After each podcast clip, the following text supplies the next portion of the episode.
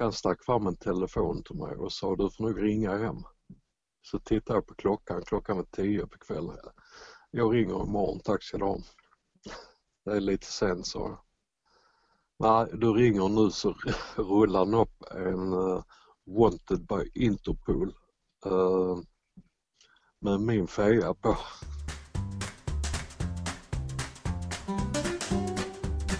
Du lyssnar på Sjölivets podcast.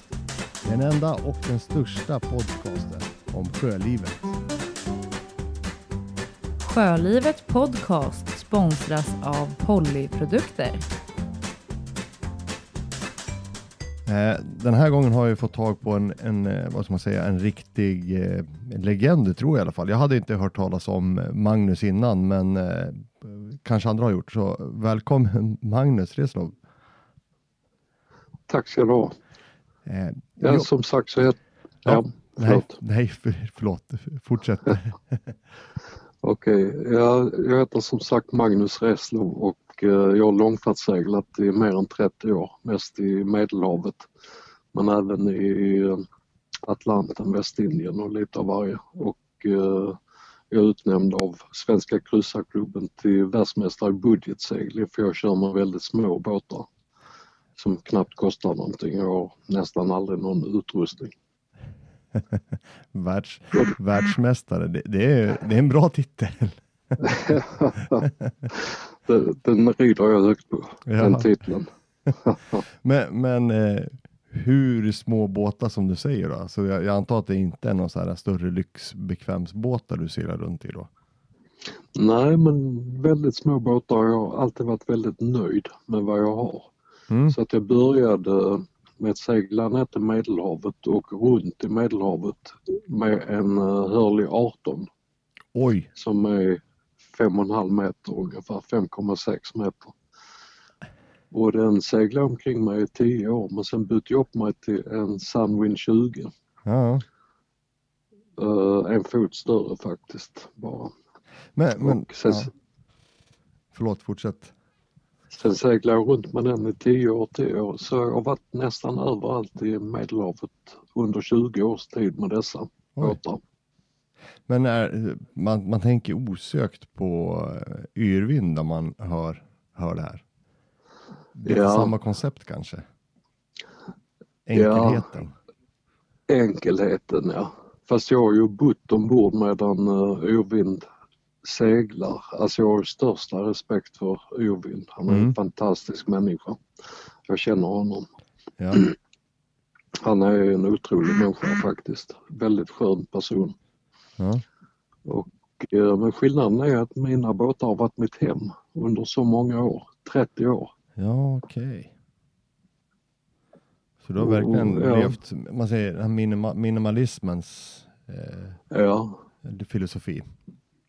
Ja, och jag har haft mitt arbete med mig. Jag har haft en uh, symaskin ombord på alla ja. mina båtar. Mm. Så jag har aldrig haft, aldrig haft en reskassa utan uh, när jag behövt pengar så har jag tagit upp min symaskin i sittbunden och börjat sy och så har det kommit kunder.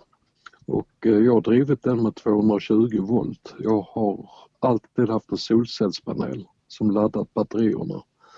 Och sen uh, har jag haft en inverter på 220 volt och det har gett mig 220 volt till min symaskin. Wow! Så att eh, jag har seglat runt. Jag har varit i massor med länder och jag har aldrig haft problem med att få jobb. Så att, eh, och jag har aldrig varit jätteberoende av pengar utan eh, jag har haft allting enkelt. Mm, mm. Men, men om man backar tillbaks då. Hur, hur började allt, allt det här att leva i en minimalistisk värld och, och en liten båt. Och, och, för jag kan tänka mig det, det är ju, om man ska titta så filosofiskt eller så här, vad ska man säga, dagens samhälle kräver ändå att du ska ha lån och skuldsatt och, och, jobba och karriär och låna lite mer och spendera ännu mer pengar och så vidare. Ja, men det, det blir det. det blir, men, men har det varit en, har det varit en så här kanske en personlig fråga, för personlig fråga, men har det varit en brytpunkt någonstans i ditt liv där du kände att nej, nu bryter jag upp från det här? Eller har det alltid varit, eller fanns det någon brytpunkt i ditt liv där det var? Så du jo, det har, det har det ju varit faktiskt. Mm. Men eh, jag har alltid sedan jag var 12 år vetat att jag skulle segla jorden runt. Och eh, det har jag inte gjort ännu. Men Okej. eh, jag har tid, tiden för mig. Mm. Så att jag visste redan när jag var 12 år att jag skulle leva ett annorlunda liv. Okej. Och, och sen har jag tagit tre utbildningar för att kunna arbeta från båten. Jag har en eh, möbelsnickarutbildning Okej. och eh, segelmakarutbildning. Aha. Och sen eh, eftersom jag inte tycker om konserver så mycket så, så är jag faktiskt utbildad kock också. Men, men, förlåt Magnus, men hur går det ihop om man inte gillar konserver och lever i båt inte det, och långseglar? Så är, är inte det konserver en del av ens kost då? Eller? Nej, jag kör mycket med couscous. Aha, okej. Nej, i konserver är kanske nödvändigt men eh, jag gör någonting av dem också. ja, ja. Mm, mm. Men Och, om, om du ursäktar, men du, du hade målet inställt som du sa sedan du var 12. ja, Eh, bör, är du uppväxt själv som barn med segling? Alltså när du var liten? Var föräldrarna Nej. seglade eller? nej, Men vad, vad kom idén då från att du skulle segla jorden runt? ja, sa jag det? jag vet faktiskt inte men eh, jag har alltid tyckt om resor, Mm. äventyr och grejer. Eh, många tror att jag långfärdsseglar för att min far var sjökapten men eh, det var bara en karriärsbana för min far. Ja. Han kunde ha gjort i princip vad som helst. okej. Bara det var en karriär. Jaha. Så att, Han var karriärist. eh, men jag tyckte om att vara på hans fartyg när Ja. jag var med. Över Nordsjön och sånt där. Ja. Det tyckte jag väldigt mycket om. Men sen, jag blev intresserad av segling av någon konstig anledning. Mm. Och sen har det varit min ledstjärna hela mitt liv. Men, Och men, smått, men eh, när, när flyttade du in i din första båt? När, när var det här? Eh, det kan jag tala om att det var 1981. Jag flyttade in i en Sunwind 20 Ja, ja. Wow. och eh, på den tiden så fick man inte lov att bo i båtar. Det är lite mer lättare nu. Ja. Så att jag blev av med mitt jobb faktiskt. Jaha. För de Oj. kunde inte lita på folk som bodde i båtar. Så att, Det var skumma typer som bodde i båtar typ eller? ja, väldigt skumma. ja, ja. Jaha. Det var som sjutton.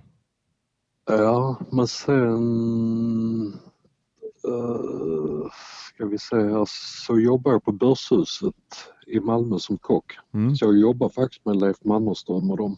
Oj då. Men jag kan ju inte jämföra mig med honom.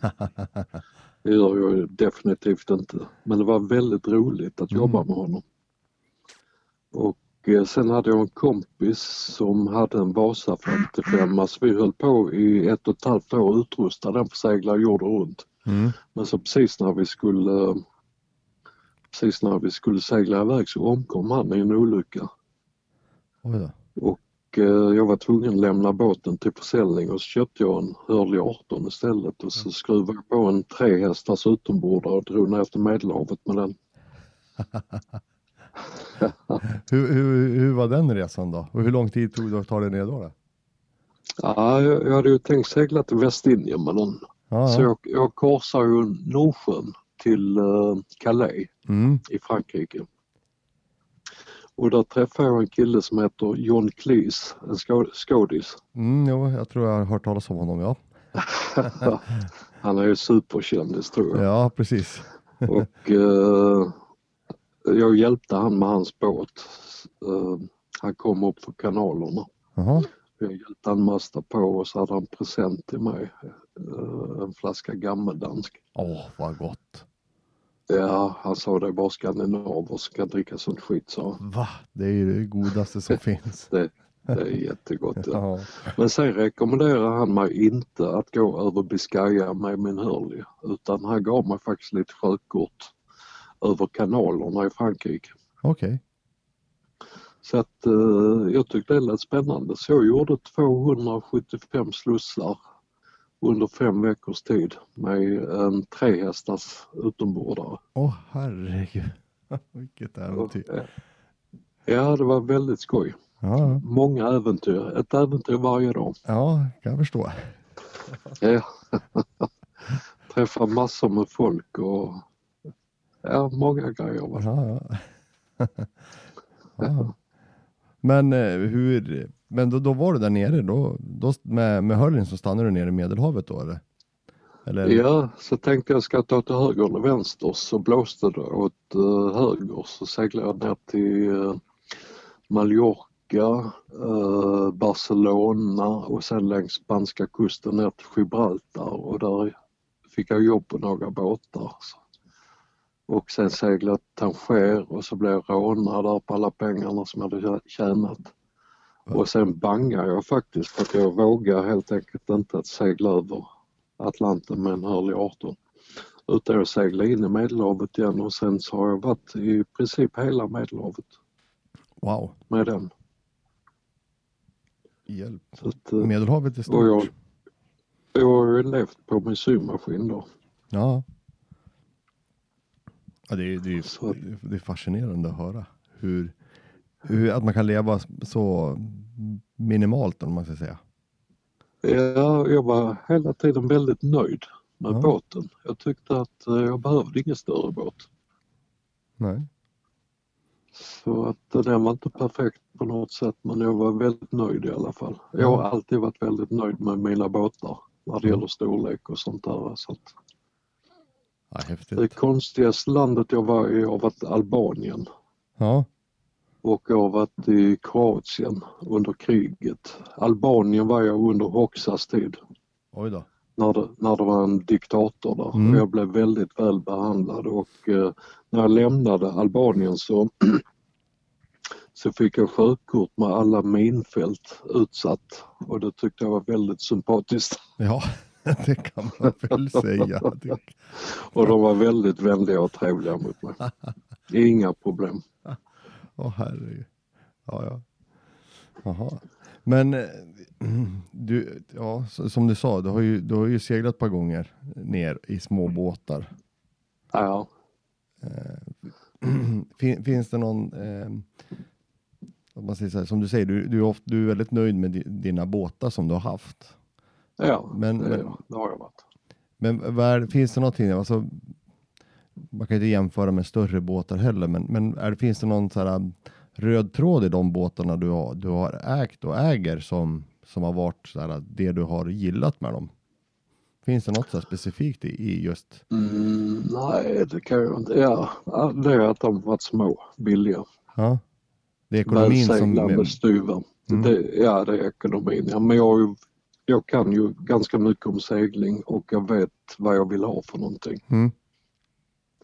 Så att uh, det blev en Hurley för att ja, det var en sjösäker båt. Ja. Och sen Sunwind 20 har jag seglat i många år innan jag stack iväg och seglade och så visste att det var en väldigt bra seglare ja. för långfärd. Mm. Ja, det är häftigt. Uh, sen har jag seglat ner med en Marieholm 20 också. När, och, när, när var det du seglade ner med den då, Marieholm 20? Ja, jag var ihop med en grekisk tjej i sex år och eh, när vi skildes åt så ville hon ha en egen segelbåt. Ja. Så vi åkte upp till Sverige och eh, i Blekinge så hittade vi en Marieholm 20 mm -hmm. och sen seglade vi ner den tillsammans genom kanalerna och eh, ja, till Korsika, Sardinien, Sicilien, Italien och så till Grekland då. Mm. Och den ligger fortfarande kvar där i Grekland. Jaha. Och vi är fortfarande vänner. Häftigt. ja, det var skoj. ja. Men du, Magnus, det, det, jag kom osökt att tänka på eh, det finns ju någon historia där ute där du har varit efterlyst av Interpol på någon seglats. Ja, det har hänt ett par gånger. Ett faktiskt. par gånger till och med? Ja. Åh, Jag kan, ska jag berätta om den första gången? Ja, jät jättegärna.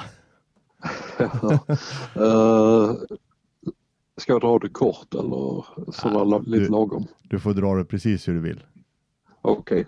Var, jag bodde i Grekland på en ö och så ringde det en svensk som jag aldrig träffat förut och han frågade om jag kunde ta en grinde från Egina, en ö i Grekland, Ja. till Syd, Syditalien. Mm. Och han vågade sig inte ner för att han hade varit inblandad i, med grekiska maffian. Ja. Så att jag tog på mig jobbet och sen seglade jag söderut runt Peloponnes.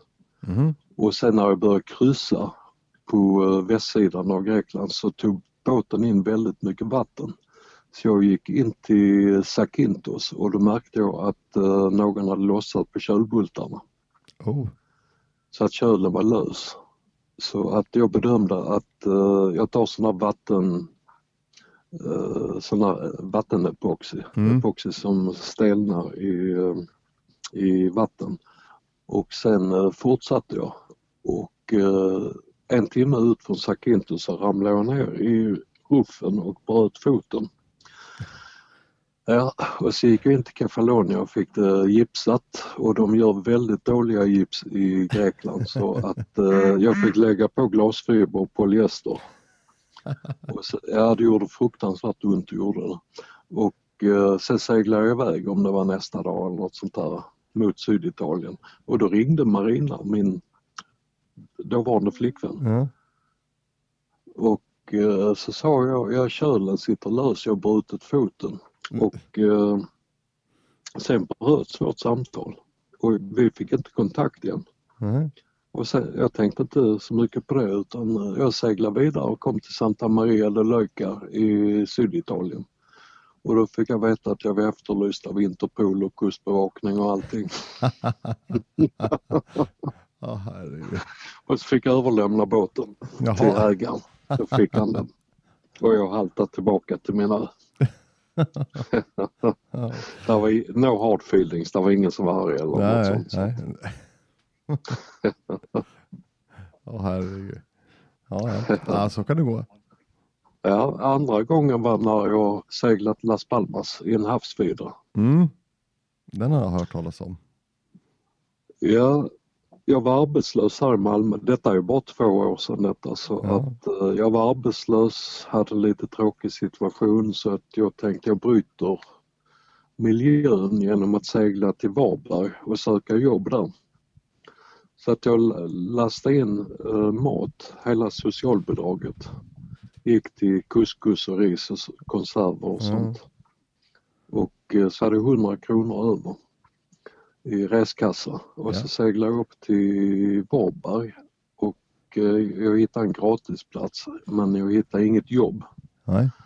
Så att eh, jag seglade vidare till Kristiansand i Norge och tänkte jag kan, kanske kan bli kock på ett oljeborrtorn. Mm. Så jag spenderade två veckor på eh, biblioteket sökte jobb men det gick inte. Jag hittade ingenting. Så, men jag hittade tusen kronor på gatan. I Kristiansand och då köpte jag en GPS och nästa dag så seglade jag mot Las Palmas. Och jag berättade, jag berättade ingenting för någon för, jag, för att jag ville inte oroa någon. nej, nej. Så det var bättre Och att bara vara tyst och sen sticka. Ja, jag tyckte det var säkrast. Så att eh, jag hade ingen motor, jag hade inget sjöställ heller. Ingen autopilot, ingen vindroder. Jag hade en skolatlas. Hade du en skolatlas som sjökort? Ja, Nej. och den, de, de stämmer inte alls. Det kan jag tala om. Ja.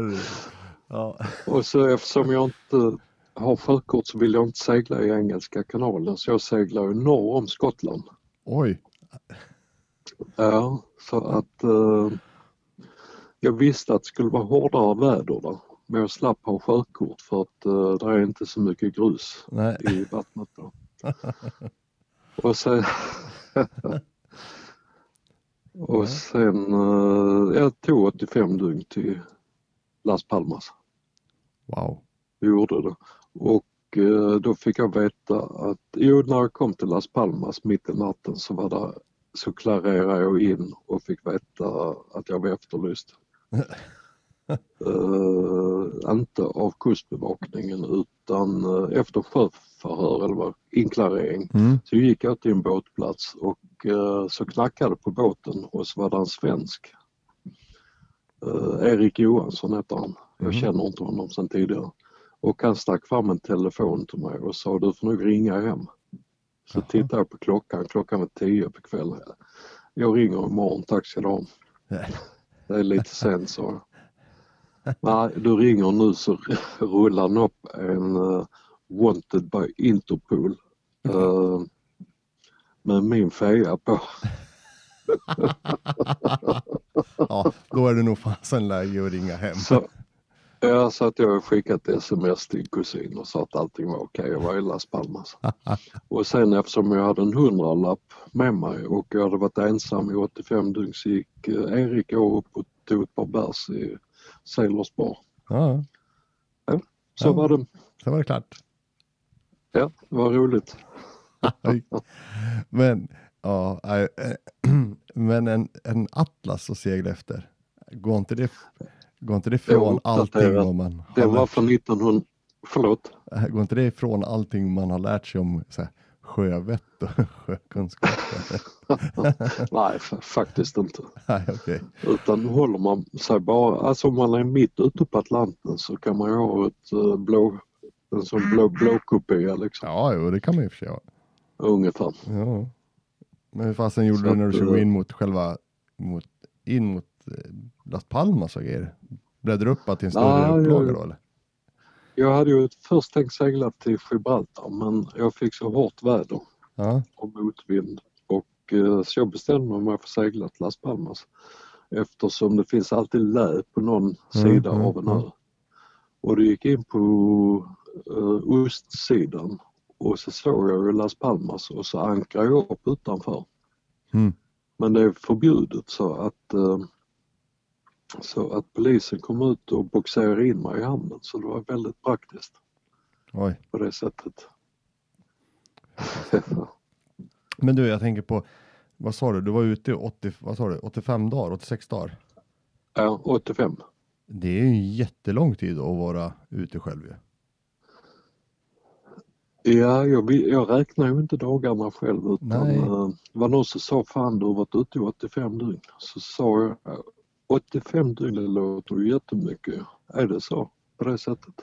Och så var det någon som hade snittat att jag hade gjort 1,34 knop i snitt. Ja. 3300 sjömil utan stopp. Ja. Men, men, men vad, vad gjorde du under dagarna då? Hur fick du dagarna alltså, då? Uh, jag styrde och löste sudoku och läste och skrev och sånt där. Jag skrev väldigt mycket. Så att... Men, men ja, jag tänker bara på, det är en relativt liten båt. Ja. Som du hade. Men uh, här, man sitter ju still rätt ofta i en båt. Ja, ja. Hur var det att komma i land? Uh, jag hade ingen balans alls faktiskt. Oj då. Utan... Uh, du hade riktiga sjöben? Jag gick ju ner 17 kilo ungefär. Wow. Och det var mest på benen faktiskt som eh, kry krympte ihop. Mm. Så att ibland tappade jag balansen när jag gick uppe på stan. Så att... Mm. Men sen gick det bra. Alltså det är så många historier med detta. Alltså så mycket mycket som hände. Ja. Du aldrig, men du har aldrig funderat på att skriva, alltså skriva någon biografi eller släppa någonting om seglatsen? Då? Om du har skrivit mycket eller något sånt där? Ja, jag har aldrig ro att sitta ner så att, och göra det. Så att jag tänkte om jag nu sticker iväg min nästa segling så tänkte jag sätta mig ner och skriva väldigt mycket. Nu har jag vindroder på denna nya båten så att ja. jag behöver inte sitta och styra nej, hela nej. tiden. Ja, precis. Men som du sa, då, nu är din nya båt. För, du är ju en, en, på väg på ett jäkla äventyr nu ju. Ja, Och du åker ju om ett par dagar ju. ja. Kan, vad, vad, är det, vad är det du ska hitta på nu för tokigheter då? Tokigheter. Ja. ja, om jag har förstått dig rätt så är det tokigheter du hittar på. Jo, om man sa som så att jag skulle bara med Fidran segla upp till Varberg Ja, och sen jag hade 100 spänn i reskassa. Det blev Las, eh, Las Palmas, Kap Verde-öarna, Västindien, New York och så hem igen. wow.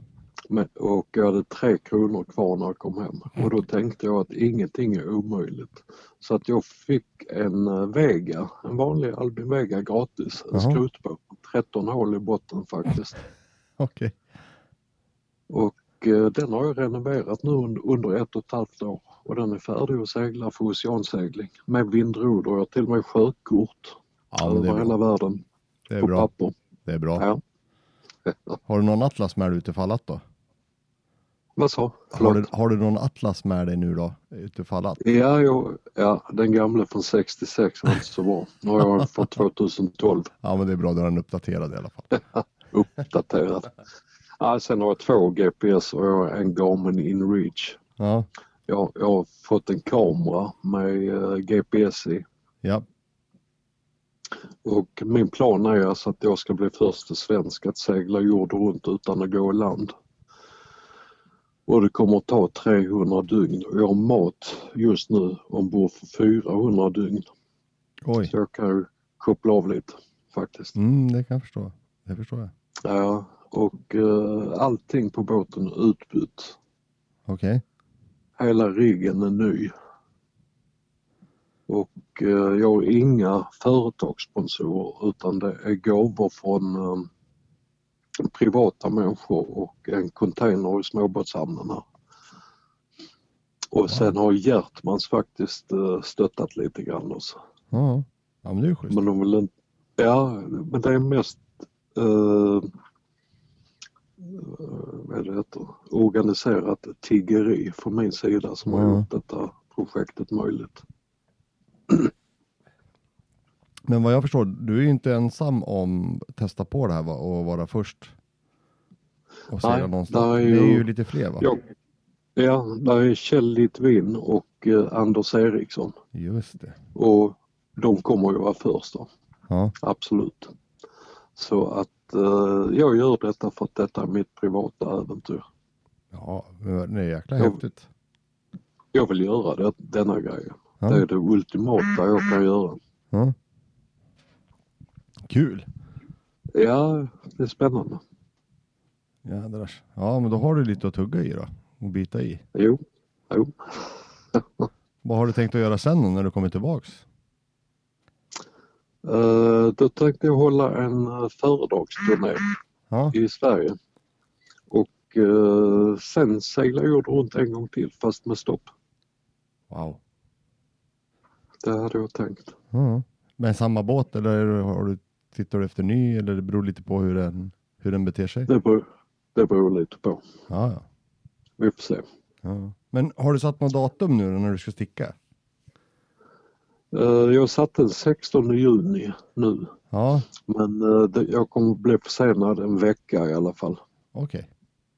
Och det är i princip ingenting med ett sånt här projekt. Nej. Där, är en, en, där var en svensk för 20 år sedan som skulle göra detta Mm. projektet. Bli första svensk jorden runt nonstop. Och han hade en budget på 3 miljoner kronor. Oh, Och han körde på en val söder om eh, Kapstaden och eh, båten sjönk. okej. Och jag har haft en startkassa på mitt bygge på 3 kronor. Oh, wow. Tre, tre enkronor och jag har lyckats komma så här långt Ja. på ett och ett halvt år. Det är bra. Jag fattar inte själv hur det går till. Det fattar jag inte heller när jag kom till Västindien. Uh, eller någonting. Jag skulle bara upp till Varberg. så att det kan hända grejer i livet om man eh, släpper lös lite Herregud. och inte är rädd. Nej, det, nej, det kan jag förstå. Det, ja, det är häftigt. Men, eh, ditt, med ditt projekt som du har nu då, som, som nu när du ska sticka iväg och, och vara först eh, ensam, jorden runt nonstop då? Ja. Har du, har du, har du så här äh, modernighet, mod, nymodernigheter i, i båten så du har, äh, har du GPS-telefon, eller GPS, har du satellittelefon och sånt där med dig? Eller? Nej, men jag har en uh, Garmin InReach mm. som sänder ut min, min position var tionde minut okay. eller om man kan ställa in det på något annat. Jag har två hand-GPS och jag har en kamera med GPS uh, förlåt mig. Uh, jag har papperssjökort över hela jorden. Uh, jag har några klockor som är väldigt viktigt att ha för navigationen. Jag har en kompass som är avvägd för södra halvklotet. Mm. Uh, jag vet inte om du har sett en sån, jag tror inte du har sett en sån. Nej. Den uh, tiltar. Mm. Alltså den lutar mm. här uppe. Mm. mm. När man kommer ner på södra halvklotet så rättar den upp sig medan min vanliga kompass tiltar där nere. Mm. Och eh, sen har jag min sextant, jag har alla tabeller. Eh, jag har använt sextant i 40 år. Så att det kan jag. Ja. Och så har jag ett vindroder. Mm. Ja, det är väl de moderniteter jag har. Ja. Jag har aldrig haft ett kylskåp i hela mitt liv. Jag har aldrig haft en TV så det kommer jag aldrig att sak anta att sakna. Aldrig? Men hur... Ja, när jag var liten så tittade jag på TV jag har aldrig varit riktigt intresserad av det. Mm.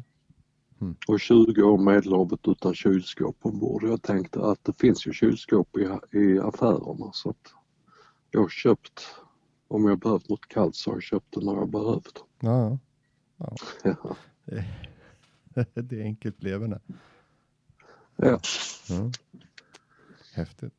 Men eh, vart, vart kan man följa, följa ditt äventyr då när du har den här eh, GPS-positionen som du skickas ut? Var, var hittar man den informationen någonstans? Man, man uh, hittar den på, om man googlar kanske det heter, ja. uh, Garmin InReach och så mitt namn Magnus Reslov och så båtens namn Nimju 7 okay. som stavas Nymue 7. Mm. Så ska man kunna hitta det. Coolt. Nog... Man kan googla på mitt namn också så uh, bara så hittar man det. Mm. Och en grej med min segling som jag vill berätta det är att jag har bott på många öar i Medelhavet. Mm. Jag, jag har till och med bott på öde öar utan folk. Mm. Det finns fortfarande. Och eh, jag har lärt mig att folk på öar är väldigt nöjda med tillvaron.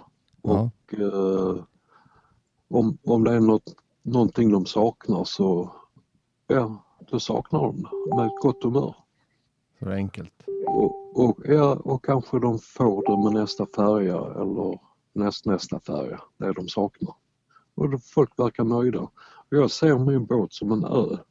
Ja. Där jag får klara mig det jag har. Mm. Och det, det, är min stil liksom. Ja. Jag är nöjd med det. Ja. Att ha det så. Häftigt. Ja. ja, men då ska vi nog fanns länka till den där äh, sidan så ska vi se om man är intresserad att höra mer eller se vart du tar vägen så ska man nog kunna gå in och titta. Ja, nu ska jag segla upp till Lumma och de har lovat mig en uh, i segelklubben där en AIS. Ja. Automatic uh, Identification System. Ja. Där har de höll ett föredrag där 22 mars mm. och uh, folk tyckte om mitt föredrag. Ja. Och uh, ville stötta mig så mycket som möjligt så att jag är väldigt välkommen upp där. Häftigt.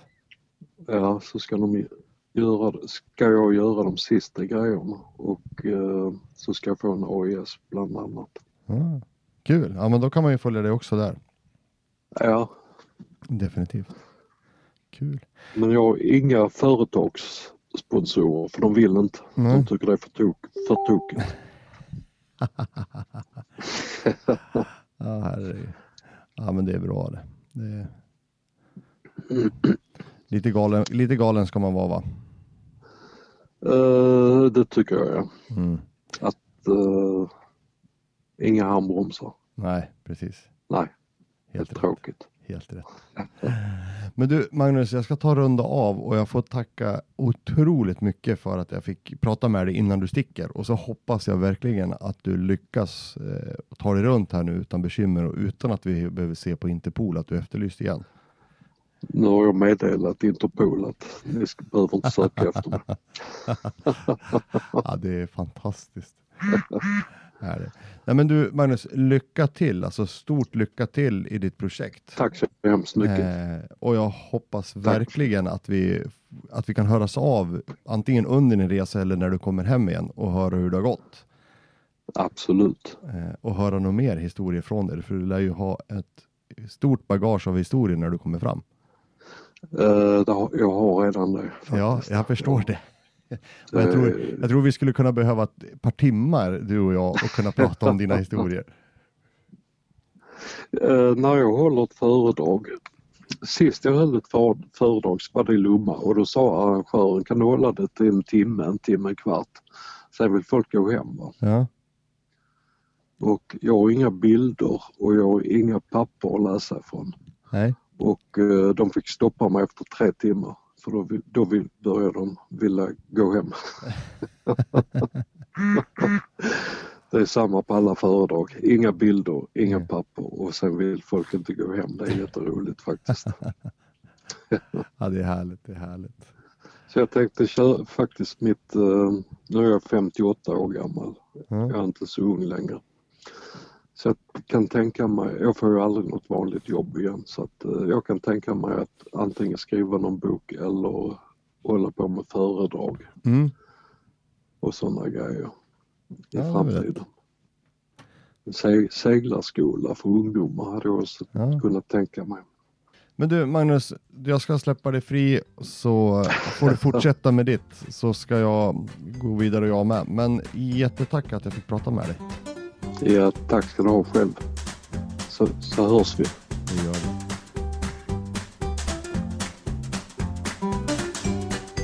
Vill du se filmer, bilder och läsa mer information om det vi pratar om i podden? Besök oss gärna på www.sjölivet.se.